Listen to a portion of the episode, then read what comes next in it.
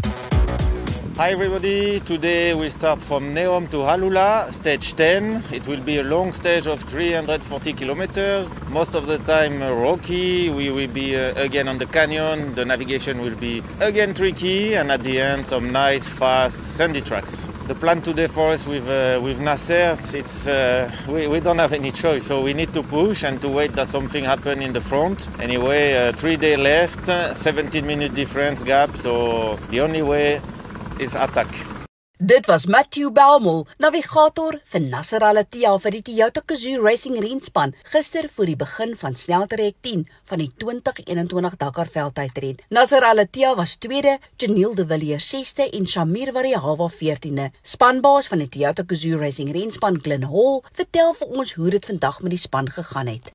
Well, a good day for Toyota with uh, Yazid winning the stage, Nasser second, and we took a little bit of time off Stefan, but obviously really not enough. Shameer had and Dennis had a great day as well, and Giniel got caught up in the dust earlier on, and that held his progress because in the early parts he was second, third, second, third. So overall, and we've got a lot of Toyotas mixed in there. But I, I know Stéphane Peterhansel. He's got an 18 or 17 minute lead now. He will be controlling that very well. So we mustn't just get too hopeful. But having said that, uh, we must look on the positive and uh, Hilux dominating the top seven positions really. Two days to go. So far, apart from the punctures, we've had a very, very good, uh, good race indeed, technically. But I don't want to tempt fate. We are so close to the end and uh, we've got the biggest stage of the rally tomorrow or the longest stage. Volg al die Dakar veldrit aksie van die Toyota Gazoo Racing span daagliks in hulle Suid-Afrikaanse geboude Hilux bakkies. Besoek www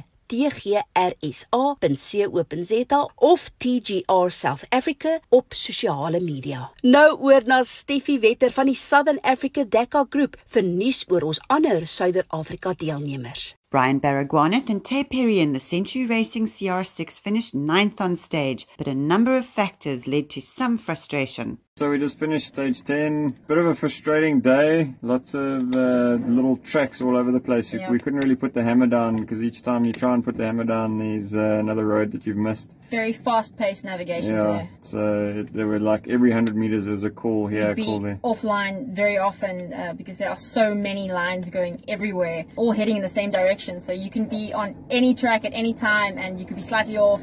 Anyway, we're learning from it. It's, it's definitely uh, a type of navigation that takes experience, so we'll get into it slowly. Yamaha Racing took a few punches this week, but Ross Branch remains as positive as ever. What a credit to his sport, his team, his family, and his country.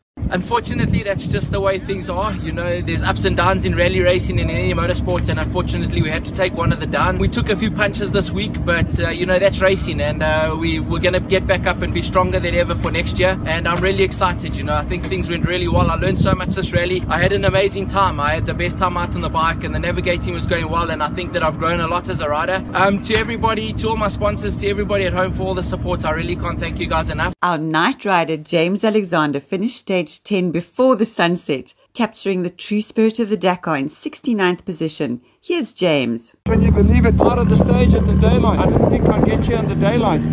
Really cool, man. Daunting kilometers waits our warriors on the penultimate stage 11. Ek is Janet van Wiele twee wiele and I'm Steffi from the Southern Africa Dakar Group. Vir Dakar 2021. Tot môre. Hou jou wiele aan die rol.